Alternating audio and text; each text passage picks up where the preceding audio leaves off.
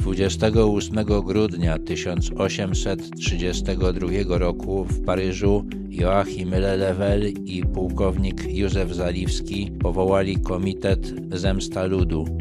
Celem tego komitetu było wywołanie kolejnego powstania.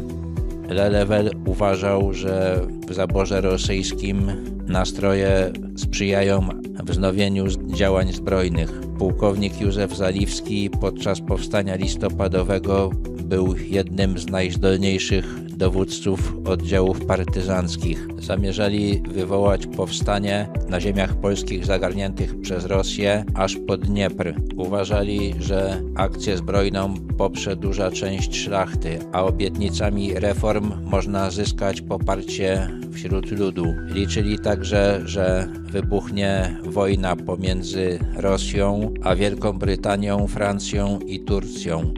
Większość polskiej emigracji uznała te plany za całkowicie nierealne. W roku 1833 około 70 emisariuszy zemsty ludu udało się do zaboru pruskiego i austriackiego, aby zwerbować ludzi, którzy mieli wkroczyć na teren zaboru rosyjskiego i rozpocząć to powstanie.